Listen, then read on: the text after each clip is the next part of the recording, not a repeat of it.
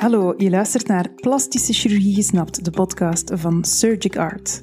Wij zijn plastisch chirurg Nicolas Wilses En Margot den Hond. en het is ons doel om jou een realistische kijk te geven op wat wij doen en plastische chirurgie dichter bij jou te brengen. Ikzelf, ik ben Nicolas. Ik werk in het Sint-Trudo ziekenhuis en in de Essence praktijk, beiden in Sint-Truiden. En ik ben Margot, ik werk in het ziekenhuis Oost-Limburg in Genk, Lanaken en Mazeik. Je kan ons vinden op Instagram en op Facebook onder de naam @artinsurgery, telkens met een puntje tussen, of op onze website www.plastischechirurgielimburg.be in één woord. En hier zijn we weer met een volgende aflevering. We beginnen het vol te houden om de twee weken. Niet evident. Om niet elke keer hetzelfde te zeggen, maar ik ga het toch doen. We zouden het vandaag graag willen hebben over vetweefsel. Ja, een beetje als extensie op de podcast van vorige keer, nummer 23, toen we het over fillers hadden.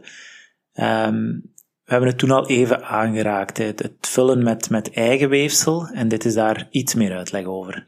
Ja, eigen weefsel betekent dat we lichaams eigen weefsel gaan gebruiken, vetweefsel, in tegenstelling tot de fillers waar we het de vorige keer over hadden. Vullen met vetweefsel wordt lipofilling genoemd. En lipofilling kan eigenlijk van zeer veel zones van het lichaam, zo niet alle zones van het lichaam.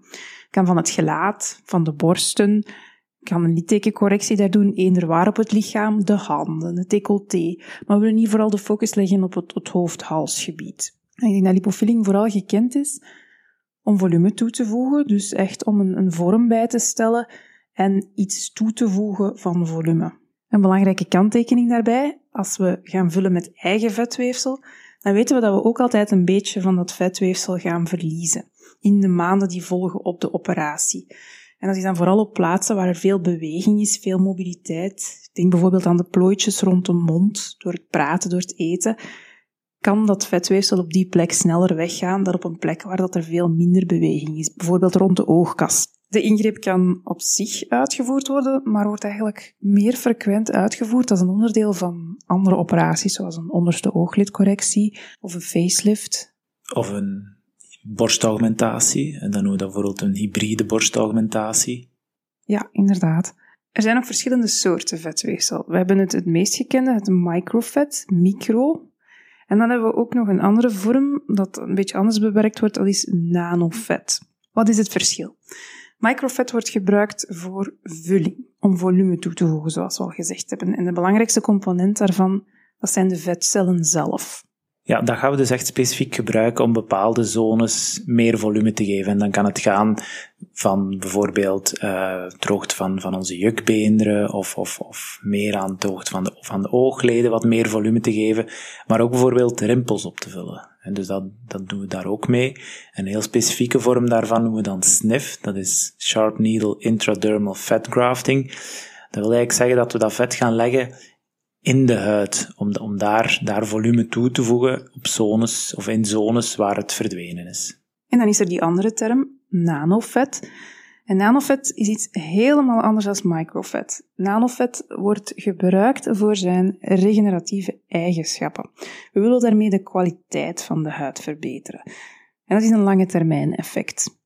De reden dat nanovet niet voor het volume gebruikt wordt, is omdat nanos is, is veel kleiner dan micro, de partikels. Ja, een vetcel is vrij groot. Dat maakt inderdaad het grote volume uit van een, een, het vet dat je afzuigt. Maar met nanovet wordt het vet verder geprocessed dat die vetcellen zelf vernietigd worden. En dat enkel de stamcellen en, en, de cellen die ervoor zorgen dat er groei is, dat er herstel is, dat die overblijven. We noemen dat de stromale vasculaire fractie of SVF. En die bevat de belangrijke stamcellen en groeifactoren.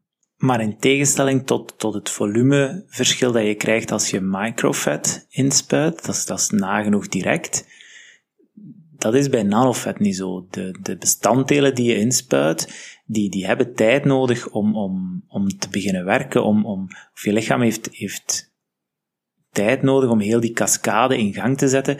En de uiteindelijke echte veranderingen in je huidstructuur, die zijn vaak pas na vele maanden zichtbaar.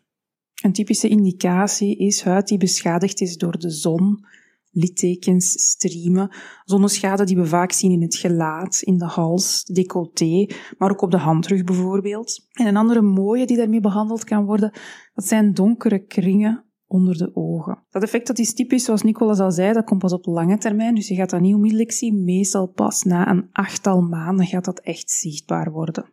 Ja, en dan zijn er verschillende manieren om, om die bestanddelen eigenlijk in je huid te krijgen, want als je hele grote zones, zoals een gelaat of een decolleté, gaat willen behandelen, het gaat niet volstaan om dat, dat product in een zalfje te brengen en, en die op, op je huid te smeren, dan, dan kunnen die bestanddelen nooit diep genoeg in je huid doordringen. Dus dat wordt dan gedaan door, door naaldenprikjes of, of door toepassingen zoals microneedling. En bij microneedling gaan we eigenlijk door middel van een rolletje of, of een puncher met heel veel prikjes tegelijk oppervlakkig in die huid gaan en zo het product eigenlijk afleveren op de plaats waar het moet werken. Ja, hoe doen we dat nu? Hoe gaat, gaat heel dat proces of heel die operatie voor microvet of nanovet in zijn werk? Eerst en vooral hebben we natuurlijk vet nodig. We hebben, we hebben een, een donorsite nodig, zoals dat we dat noemen. Voor het gelaat of zo is in principe zijn niet heel grote volumes nodig. Maar vanaf dat we spreken dat we de borst bijvoorbeeld gaan, gaan, gaan vullen, bijvoorbeeld na, na, na een amputatie, ja, dan hebben we natuurlijk wel grote volumes nodig. Er zijn verschillende plaatsen in ons lichaam die regelmatiger gebruikt worden dan andere. De meest populaire zijn de buik, de dijen, de flanken, de knieën. Maar opnieuw voor het gelaat, dat is een, een klein volume. Dus je mag je dat zeker niet voorstellen als een esthetische liposuctie. Het, volume dat wordt afgenomen is van een veel kleinere aard dan wanneer we echt een, een liposuctie doen om een vorm bij te stellen van de buik bijvoorbeeld. Wat, wat we bekomen na die liposuctie, dat is een beetje een mengeling van vocht, van bloed, van plasma, van vet, van kapotte vetcellen en afhankelijk van wat we nodig hebben, het microvet of het nanovet, zijn er nog een paar stappen die nodig zijn om, om, om dat te bekomen. Ja, eerst gaan we het vetweefsel dat is afgenomen centrifugeren of spoelen. Er bestaan verschillende technieken. Doel is om het zuivere vetweefsel te bekomen en die andere componenten, bloed of water bijvoorbeeld, om dat eruit te halen, eruit te filteren. Ja, dan hebben we dus het, het microvet dat we dan kunnen gaan gebruiken om rimpeltjes te vullen of om volume toe te brengen. En als we dan nanovet willen hebben, dan dienen we nog een aantal bijkomende stappen te, te nemen om die vetcellen te vernietigen en te filteren, zodanig dat enkel die stromale vasculaire fractie overblijft. En dat bekomen product, het microvet of het nanovet, wordt dan ingespoten via zeer fijne canules of naaldjes. voor de canules gaan we dan telkens een prikgaatje maken in de huid, langs waar we die kunnen inbrengen. We moeten oppassen, zeker in het gelaat, om niet te overvullen, want we willen natuurlijk een natuurlijk resultaat behouden op lange termijn. Dat is een beetje anders in de borst, waar we weten dat er vaak meerdere sessies nodig zijn om een gewenst volume te bekomen als we enkel door middel van vetweefsel willen, willen volume toevoegen. Nu, wat zijn de contra-indicaties of wat zijn voor ons um, toch enkele, enkele rode vlaggen of, of zaken die we aan onze patiënten duidelijk moeten uitleggen, dan is er ene heel belangrijke en dat is roken.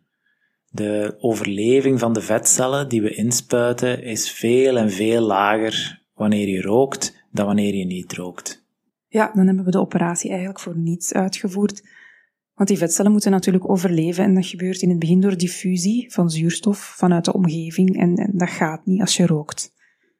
Een andere is bijvoorbeeld gewichtsschommelingen. We hebben soms, soms mensen die, wanneer ze, wanneer ze gewicht bijkomen, die bijvoorbeeld vooral aan de buik gewicht winnen. Of wanneer ze vermageren, vooral aan, aan, aan de dijen um, gewicht gaan verliezen. Als we dat vet dan gebruikt hebben, bijvoorbeeld voor een borst op te vullen, kan het zijn dat, dat ook daar meer effect is van, van gewichtstoename of, of gewichtsverlies. Wat gebeurt er na de operatie? We gaan in de eerste plaats vragen om druk te vermijden ter van de zones waar het vetweefsel is ingespoten. We willen natuurlijk niet dat, dat door te veel druk, door een mechanisch effect, dat dat weefsel terug beschadigd wordt en, en, en verdwijnt gedurende een aantal weken. Je gaat blauwe plekken hebben, dat is heel frequent aanwezig. Zwelling is ook aanwezig. Maar we gaan toch vragen om geen ijs rechtstreeks te leggen op de plaatsen waar dat er gevuld is. Opnieuw om te vermijden dat het vetweefsel niet kan overleven door die bloedvaatjes die door het ijs, door de koude zodanig gaan samentrekken. Dat geldt niet voor de plaats waar het vet is afgenomen trouwens. Dus dat gaat ook blauw zien, dat gaat ook gezwollen zijn, maar daar mag je wel ijs leggen. Ja, absoluut. En daar mag je ook drukkledij gebruiken bijvoorbeeld. Heel graag zelfs. We raden onze patiënten ook aan om, om specifieke lipopanties bijvoorbeeld, noemt dat dan, um, aan te meten en aan te kopen, om dat proces ja, zo, zo, zo goed mogelijk te laten verlopen, dat ontzwellen en, en dat genezen. Wat kan er mislopen na, specifiek na zo'n operatie? Theoretisch gezien kan vetweefsel geïnjecteerd worden in een bloedvat. Het is daarom heel belangrijk dat de juiste injectietechniek wordt gebruikt bij de lipofilling en ook uiteraard dat de chirurg zijn of haar anatomie goed kent. En dan iets dat, dat ik niet zozeer zou beschrijven als iets misgelopen, maar wel iets waar we rekening mee dienen te houden, is waar we het eerder al over hadden, dat, dat een deel van het vetweefsel opnieuw door het lichaam wordt opgenomen, dat het niet overleeft. Dus het uiteindelijke resultaat na x aantal maanden is, is altijd een beetje afwachten. Het kan dan ook zijn bijvoorbeeld hè, dat, er, dat er wat bepaalde kleine asymmetrie ontstaat, omdat er aan één kant meer vet geresorbeerd wordt dan aan de andere kant, of aan één kant was meer druk door bijvoorbeeld elke nacht op te slapen, of, of wat dan ook. Um, dus ook dat zijn zaken die we, die we moeten afwachten. Yes. Ik denk dat we zo in een notendop al de belangrijkste zaken gehad hebben over micro- en nanovet in het gelaat. Ja, hopelijk hebben we hiermee al een, eh, een tipje van de sluier gelegd om even aan te tonen dat vet inspuiten heel wat meer omhelst dan enkel maar eruit op één zone en erin in de andere zone. Het is, uh, het is heel wat meer dan dat. Het kan iets heel mooi zijn, maar bij de juiste personen. Als u over dit onderwerp nog graag iets aan bod hoort komen in onze podcast, laat gerust iets weten. Tot de volgende keer. Tot de volgende keer. Dag.